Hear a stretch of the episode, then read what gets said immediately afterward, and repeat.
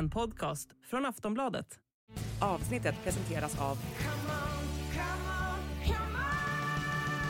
Stödlinjen.se, åldersgräns 18 år.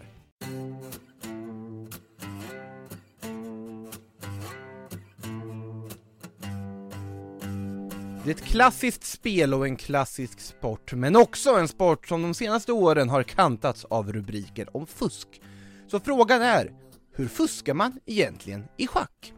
I dagens avsnitt pratar vi med Sportbladets schackexpert Jonathan Pineiro Diamant om fusket inom sporten. Är det ett utbrett problem? Kan vem som helst fuska i schack? Och tog verkligen Hans Niemann hjälp av en sexleksak? Du lyssnar på Sportbladet Daily med mig, Makoto Asahara.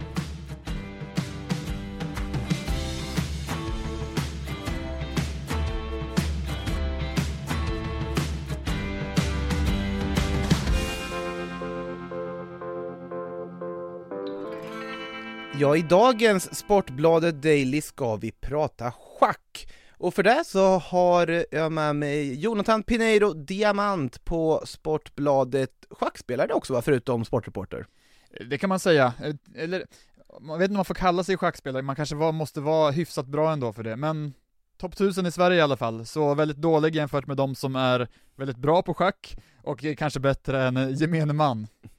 Ja, och schack som sagt, det är ju en sport som ofta har eh, fått rubriker, bland annat för att de är väldigt Alltså kreativa sätt att fuska, och det finns ju mycket att prata om, och det är väl lite där vi ska komma in på hur man faktiskt fuskar i en sport som ändå är baserat på ja, hjärnan och att förutse varandras drag och så vidare. Men innan vi går in på det måste vi konstatera att schack har ju pratat om väldigt mycket här i eh, Skandinavien på grund av att vi har haft en norsk världsmästare i form av Magnus Carlsen. Men så är inte längre fallet va? Nej, exakt. Magnus Carlsen, ja, vissa ansedd kanske som världens bästa genom tiderna numera. Han eh, valde ju för knappt ett år sedan att avsäga sig sin VM-titel. Han ställde inte upp i eh, VM-matchen, eh, som, ah, det är ju, schack är ju en sån sport, eh, VM är ju liksom inte som i fotboll till exempel vart fjärde år och så kvalar man in, utan där är det en sittande världsmästare, och så är det en turnering som utser vem som ska få liksom eh, äran att få möta världsmästaren i kampen om att ta över titeln. Magnus Carlsen kände, äh, jag är trött på den långa uppladdningen som är, det är en väldigt, eh, liksom, eh, man, man sätter ihop ett team och sen liksom förbereder man sig ganska länge till just den här VM-matchen. Han var trött på den grejen, han ville spela andra turneringar och inte behöva förbereda sig så mycket för den. Så han bestämde att han ville inte ställa upp mer, så ja, då blev det två andra som fick mötas istället i matchen om titeln. Och där vann då Ding Liren från Kina, ny världsmästare nu i kamp mot eh, ryske Jan Nepomniachtchi. Är det, är det något sånt skulle kunna få Karlsson att komma tillbaka också för att försöka ta tillbaka mästartiteln? Han var väl medveten om att han kommer förlora den när han tackade nej? Ja, det visste han absolut. Vi får väl se. Men eh, ja, det är kandidatturneringen som avgör vem som ska få möta världsmästaren. Det är ju en bra turnering så, så att där är det inte omöjligt att han ställer upp. Mm. Ja, vi får väl se om det kommer några rubriker kring de tävlingarna väl när, om han dyker upp och ska ta tillbaka sin världsmästartitel och om det blir några rubriker kring fusk. För det är ju lite därför eh, vi kör det här avsnittet här idag, för att det har ju varit mycket rubriker man sett och diverse fusk inom schack. Ja, det är ju så här, Schack kommer ju sällan på rubriker, alltså får ju sällan rubriker i Sverige. Eh, det är ju inte en så stor sport, om man nu kan kalla det sport. Om det tvistar väl också folk. Men när det väl blir rubriker så är det ju ofta, har det varit fusk de senaste åren. Mm. Och eh, ja, till att börja med, var, varför fuskar man är väl en, en alltså enkel fråga. Är det, är det, ska man ta det här på samma sätt som liksom att någon dopar sig för att eh, springa snabbt i ett 100 meters lopp eller eller den typen av fusk, eller till och med filmar för att få fördel och få frisparkar i fotboll. Så kan man nog säga, alltså det, det är ju inte den mest lukrativa penningstinna sporten schack, men eh, det finns ju pengar att hämta för, för i alla fall eh, världseliten och även lite strax under världseliten. Så, eh, ja, sen kan man, får man ju prata med de som har fuskat, liksom, varför mm. gjorde jag det i det här ögonblicket? Men Du har inte fuskat? Jag har inte fuskat, eh, vad, vad, säger man? Lägga och heder och samvete. Heder och samvete. Men om, om vi säger så här då, om du skulle fuska, hur fuskar man i schack är väl en enkel fråga som kanske inte alla förstår. Ja, man, man kanske blir lite konfunderad när man ser en rubrik, vadå fuskar i schack? Det går väl inte? Man bara, ska man måla om pjäserna? Hade du exempel? Eller liksom, ska man flytta utan att motståndaren ser? Den här klassiska färgen i eh, Kalle Anka på julafton, om man har den i bakfickan och målar om brädet lite, det är inte sånt vi pratar om då eller? Eh, Tyvärr inte, det hade varit eh, fint på något sätt att se ändå. Nej men, det man måste förstå är väl att i grunden, schackdatorer är numera bättre än människor på schack. Eller ja, dat ja da datorer, AI. Datorn är alltså gått om människan när det kommer till att vara skicklig i schack. Mm, redan på 90-talet så var ju, blev ju den dåvarande världsmästaren Gary Kasparov eh, slagen av en schackdator. Och ja, sen, de utvecklas ju ständigt schackdatorerna och eh, nu är det liksom inget snack längre om att har man, är man en, har man en dator så är, slår man de bästa spelarna i världen. Eh, om, om man kör den på, liksom- det kanske inte även en, en dator i en mobil liksom, som, som du eller jag kan ha, bara vi tar upp en internetsida här, den är ju riktigt stark också. Och kan konkurrera med, eh, med de bästa i världen. Hej, jag Ryan Reynolds. På Mint Mobile, we like to do the opposite of what Big Wireless does. They charge you a lot, we charge you a little. So naturally, when they announced they'd be raising their prices due to inflation, we decided to deflate our prices due to not hating you. That's right. We're cutting the price of Mint Unlimited from $30 a month to just $15 a month. Give it a try at mintmobile.com slash switch. $45 upfront for three months plus taxes and fees. Promo rate for new customers for limited time. Unlimited more than 40 gigabytes per month. Slows. Full terms at mintmobile.com. Men är det på grund av att man då, att datorn kan alltså räkna ut sannolikheter och förutse drag, eller är det någonting mer som har dykt upp på senare år? Exakt, det datorn kan göra, den kan ju liksom säga i varje given ställning, det dyker ju upp liksom, ja men det är ju en ställning hela tiden på brädet liksom. Mm. Och i det här, det här draget ska göras, datorn kan säga vilket är det bästa draget att göra nu. Mm. Men det som, ja, det man kan fundera på, visst man kanske har en dator, men hur ska man få informationen från datorn till spelaren? För det är ju väldigt, det är uppenbart att man kanske förstår, det är ju inte tillåtet att ha med sig en schackdator när man kommer till brädet. Nej, det är givetvis så, och sen så kan jag väl tänka mig att det finns alla möjliga varianter, och vi har ju sett, vi, vi- vi har ju några uppmärksammade exempel, kan du gå igenom några av dem som kanske fått mest rubriker? Eh, Ja, det mest uppmärksammade från i höstas var ju Magnus Carlsen, världsmästaren i schack, tidigare, eh, mot Hans Niemann, en ung amerikansk spelare som har haft väldigt bra resultat de senaste åren, kommit upp som en liksom, ja men lite raket och gjort imponerande resultat.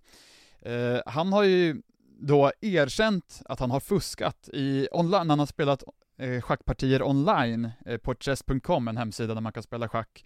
Mm. Ehm, Det har han erkänt, det, det är han liksom helt öppen med. Men eh, Magnus Carlsen, han kände att jag tror att han fuskar även när vi spelar liksom riktiga, det var en stor tävling i USA, Singfield Cup, en av de största schackturneringarna varje år, där då Hans Niemann vann mot Magnus Carlsen. Vilket gjorde att Magnus Carlsen drog sig ur turneringen efter den, det partiet och sa att, ja, eh, impl- implicerade att jag tror att han fuskar och senare kom ett uttalande om att, ja, jag tror att han fuskar. Så det, ja, det var ju det, starten på det, hela den eh, historien, om man ska säga. Ja, för det kom väl uppgifter någonting om att han hade använt någon form av sexleksak för att då få någon form av signaler, vi ska inte gå in mer i detalj på exakt hur, men att han ändå har fått någon form av signaler från en schackdator via detta. Så här, när man pratar om schack, datorer och fusk, Mm. Man funderar på hur kommer informationen till spelaren? Och det finns, vi kommer gå igenom de exemplen som faktiskt finns sen på hur information har kommit till spelare under schackpartier. Eh, det här, just det här med sexleksaken är ju, ja, det är ett skämt från början och sen ett missförstånd. Carlsen har aldrig anklagat Hans Niemann just för det, utan det var en amerikansk stormästare, en kanadensare faktiskt, Mm. vid namn Eric Hansen, eh, som är känd, eller inom schackvärlden, streamer. Eh, han, Schackstreamer, så att ja, säga. exakt. Han sa ja, han kanske har fuskat genom eh, ja, eh, någon sorts sexleksak i rumpan. Vilket fångades upp av Elon Musk, eh, som då eh, undrade, över, undrade över det här och då spriddes ju den här teorin om att eh, han har på något sätt fått en, en vibrerande signal på något sätt om vilket drag han ska göra. Eh, och, ja, och då därför vunnit mot Karlsson. Men det man ska lägga till i den här historien också är ju att Karlsson i det här partiet spelade ganska dåligt också. Så det är inte helt sjukt att han faktiskt förlorade det här partiet. Men alltså, ja, så Elon Musk alltså skyldig till de rubrikerna, mer eller mindre? Ja, det skulle, in, inte från början, men det var han som snappade upp det och verkligen gjorde folk förvirrade över det här och har gjort det till en, en rolig grej som många pratar om. Jag har stått på folk som inte alls är schackintresserade som tar upp det här, de som fuskade med en sexleksak. Men ja, så riktigt så var inte anklagelsen från just Magnus Carlsen och flera andra som anklagat Nyman för fusk. Ja, men alltså, Elon Musk, mångmiljardären, eh, Twitter och Tesla och SpaceX-ägaren och så vidare, ni har säkert koll. Eh, värt ändå att poängtera. Men eh, då är ju då frågan, hur kan Nyman då ha fuskat? Det är ju det som gör att Carlsens case inte riktigt håller här, för att det finns inte riktigt några bevis för att han har fuskat över brädet. De, när schackspelare, det är ju lite olika beroende på vad det är för tävling, men i de absolut liksom, största tävlingarna med mest prispengar, där går de ju igenom säkerhetskontroll, tänk som en flygplats ungefär. Eh, går de igenom innan de ska sätta sig vid brädet. De blir skannade och liksom, ja. Så att det är svårt att få med sig någonting som inte hör hemma vid brädet, till brädet. Sen på, ju lägre nivån blir, desto mindre säkerhetskontroll, såklart, när tävlingar jag spelar, jag går inte igenom en, som att jag går in genom en, på en flygplats när jag spelar tävlingar. Det hade varit lite överdrivet kanske. Eh, men det, ja, det är bra säkerhet kring många tävlingar. Men hur, hur, eh, finns det några andra uppmärksammade exempel på när någon har tagit sig igenom den här kontrollen och faktiskt eh, fuskat då? Det, nu känns det som att nu målar man upp schacket som en väldigt så här smutsig sport, här med mycket fusk, men det är ju då det har blivit rubriker. Det finns ju ett väldigt uppmärksammat fall, några av er kanske har sett bilden. Eh, det finns en bild på den lettiske stormästaren Igor Rausis en turnering lite strax under eh, världsnivån. Han, eh, lite äldre schackspelare som plötsligt började vinna ganska mycket igen. Det brukar inte vara så att man brukar ha en kurva uppåt när man är ganska ung, men han började plötsligt vinna ganska mycket igen. Och sen hur den bilden togs, varför det satt en kamera på toaletten förtäljer inte historien, men han, det finns en klassisk bild när han ertappas med en telefon på toaletten. Då kanske man undrar så här, hur kan han ha brädet i huvudet? Alltså hur, han går in på telefonen, men hur hjälper det honom att liksom att ställa upp brädet på telefonen snabbt? Då är svaret bara att schackspelare, de har alltid sina partier i huvudet. De minns exakt vilka drag de har gjort, vilka drag motståndaren har gjort. De, är, ja, de vet exakt hur de ska ställa upp brädet. Då kunde han få svaret där på telefonen. Det här draget ska jag göra nu. Sen gömmer han väl mobilen någonstans på toaletten och eh, går tillbaka till brädet och gör draget sen. Men han blev ju då ertappad och blev avstängd länge från FIDE, Internationella Schackförbundet. Men det här, det låter ju som att om du verkligen ska kunna fuska på det här sättet, då förutsätter det ändå att du har en viss grundnivå. Du kan inte gå in som en rookie och bara börja fuska och vinna matcher, utan du måste ändå kunna ändå ha för många, till exempel jag, kunna se brädet, veta vad du ska göra med informationen du får från schackdatorn. Ja, om man inte är lika smart som fransmannen Sebastian Feller, kul att du frågade det. Eh, under schackolympiaden 2010, eh, det är en lagtävling men det är också en, ja, delvis en individuell tävling. Mm. Han eh, presterade riktigt, riktigt bra, den här fransmannen, med hjälp av två personer, en som befann sig i spellokalen och en som satt hemma i Frankrike med en väldigt bra schackdator. Mm. Den här personen hemma i Frankrike kunde då eh, ge information till personen som befann sig i spellokalen, som någon sorts publik liksom. Mm. Eh, den här personen gick då omkring i rummet enligt ett koordinatsystem, så att Sebastian Feller vid brädet kunde förstå exakt utifrån hans position, vilket drag ska jag göra här på brädet nu. Typ, ja nu står han borta vid eh, vattenmaskinen där i hörnet, ja men det är dags att flytta bonden. Ungefär så. Ja. Det finns ju, ja, men du frågade också hur, det är ju ett fint exempel eh, mm. där på lite mer avancerat, det hade ju kanske, du hade kunnat gå och sitta där vid brädet. Och lösa det, jag kan bara göra skolmatte har man lärt sig de dragen liksom, i, ja, länge sedan. Jag tror inte datorn hade föreslagit skolmattor Nej det tror jag inte Koordinatsystemet och Men det finns ju också en, en exempel på en bul bulgarisk stormästare, Borislav Ivanov Eh, också oväntat bra resultat, eller han var inte stormästare tror jag, för, mm. ja. men han, riktigt bra resultat eh, i en tävling i Sadar Open i december 2012. Då misstänktes det fusk för att han hade liksom eh, resultat som, ja, jag vet inte vem det var som anklagade honom riktigt, men det var Men resultat, det stack ut i alla fall ja, på något sätt. Ja. Exakt. Eh, han vägrade då ta av sig skorna när man sökte igenom efter elektroniska hjälpmedel. Jag gissar att de just på den tävlingen inte hade haft några, någon liksom säkerhetskontroll på det mm. sättet, men Han vägrade ta av sig skorna, eh, och sen meddelade då han att han drog sig tillbaka från schacket efter de, ja, den perioden där han hade gjort oväntat bra resultat. Så att det, ja, det finns ett par sådana exempel. Men man vet inte varför han ville ta av sig skorna eller inte? Eh, De misstänker väl att det fanns någonting i skorna som, som hjälpte honom. Någon, någon sorts, ja, kan det ha varit någon, en sexleksak i skorna? Eller någon, någonting annat som vibrerade? Say hello to a new era of mental health care. Cerebral is here to help you achieve your mental wellness goals with professional therapy and medication management support. 100% online. You'll experience the all new Cerebral Way, an innovative approach to mental wellness designed around you. You'll get a personalized treatment plan from a therapist, prescriber, or both in a safe and judgment free space. Your Cerebral therapist or prescriber will outline a customized plan with clear milestones along the way so you can get to feeling your best. With Cerebral, you're not alone in your mental health journey. We're here to empower you to live a fulfilling life. So take that first step towards a brighter future and sign up today at cerebral.com slash podcast and use code ACAST to get 15% off your first month. Offer only valid on monthly plans. Other exclusions may apply. Offer ends July 31st, 2024. See site for details. Ja, det, det är fascinerande. Hur stort problem skulle du säga att det här är för schacksporten som helhet? Just det här med att det finns schackdatorer som du kan ta hjälp av på mer eller mindre kreativa vis. Alltså, jag skulle inte säga att problemet är större nu än för några år sedan, snarare kanske att man är mer medvetna om det och att man gör ju olika liksom, åtgärder för att förhindra liksom, att någon utifrån hjälper till. Till exempel så tävlingar som livesänds, då fördröjer man livesändningen ofta till exempel med en kvart eller med en halvtimme för att personerna som liksom ska hjälpa till då, om det finns några sådana, att de inte ska liksom vara med live, utan de ska bara få liksom information om hur brädet ser ut, kanske en halvtimme senare. Eh, och därmed kan de ju liksom inte hjälpa spelaren som sitter vid brädet just då. Så det är ju en metod man har för att liksom komma runt det här problemet. Men absolut, det kommer ju alltid finnas, så länge det finns schackdatorer, de lär ju inte försvinna, så lär det finnas misstankar. Och det är alltså, för Hans Niemann har det blivit en väldigt märklig situation där det är många som stöttar honom, liksom säger att, ja men du har ju inte gjort något fel, eh, som har, bevisats, samtidigt som det finns vissa som liksom kollar misstänksamt mot honom, oavsett vilka framgångar han får, liksom en, en ung kille som kanske har tränat jättemycket schack liksom, han har ju ägnat sitt liksom, de senaste åren åt bara träna schack, som man måste göra för att bli bra på schack. Eh, att liksom hela tiden, att det sneglas på honom så. Det är jobbigt för vissa spelare såklart på det sättet.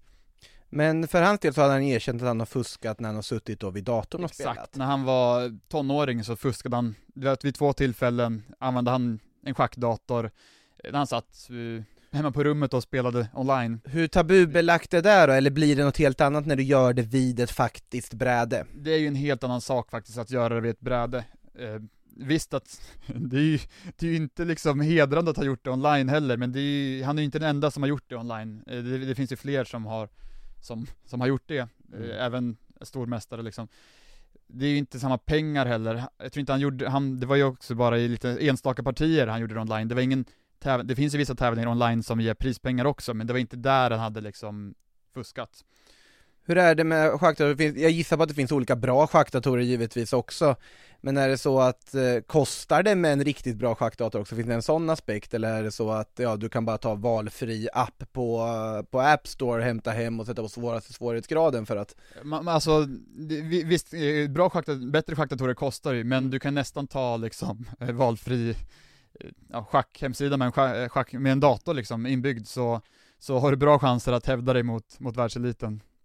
Det finns ju andra fuskexempel också vi, som vi måste ta upp Ja, det- innan vi, eh, vi lämnar det här. Det var ju en tävling på lite, lite lägre nivå, eh, Kenya Chess Open Championship, det kanske ni har sett någon rubrik om också, där det var en man som klädde ut sig till kvinna För att vara med i en tävling då. Ja, eh, exakt. Det är ju så att i schacket, det är inte känt som den mest inkluderande sporten, tyvärr. Eh, det är mycket, mycket män, och det varierar väl lite fram och tillbaka, men det är ju ungefär bara 10-15% av de registrerade spelarna i världen som spelar tävlingar över världen som är liksom kvinnor. Och därför har man också i många, många, många tävlingar så har man en särskild damklass för att uppmuntra damer att spela Mm. och kanske liksom, ja, för att de ska känna att det här är en miljö där jag vill vara, inte bland, ensam bland hundra män. Mm. Eh, och i en tävling där då, så i damklassen var det inte så många bra spelare anmälda, medan i den öppna klassen då, där både damer får ju ställa upp i den öppna klassen också om de vill, så det är ju eh, upp till varje person i många tävlingar. Sen i vissa tävlingar finns det bara en öppen klass och sen finns, ja. Ja, förstår mig. Men eh, i den här tävlingen, Kenya Chess Open Championship, så var det en man som använde niqab och dolde hela sin kropp utom sina ögon, eh, skrev sitt namn på ett papper när han anmälde sig, eh, han skrev ett kvinnonamn då, sen vann han flera partier i den, i den här damklassen då, innan det upptäcktes att Ja, det var flera spelare som blev misstänksamma för att han sa inte ett enda ord. Och han, han, ja, han började vinna flera partier mot spelare som var ganska bra i, i den damklassen. Och sen till sist upptäcktes det då att han, det var en man det här, domaren tog honom åt sidan. Domaren sa liksom att, eh, han blev citerad här på chess.com att, jag var ganska nyligen, citerad att jag ville visa respekt, det kunde ju röra sig om en, en ortodox eh, muslim, sa han. Men sen var det så många som fattade misstankar och gångstilen och olika saker, skorna sa de. Och så erkände han att han är en man då, att han hade haft finansiella problem och ville vinna prispengarna som fanns i damklassen som var ganska stora just i den tävlingen tack vare sponsorer. Mm. Ja, som sagt, många olika sätt att fuska på i schack. Slutligen vill jag bara fråga, sporten schack då, om vi tittar på den.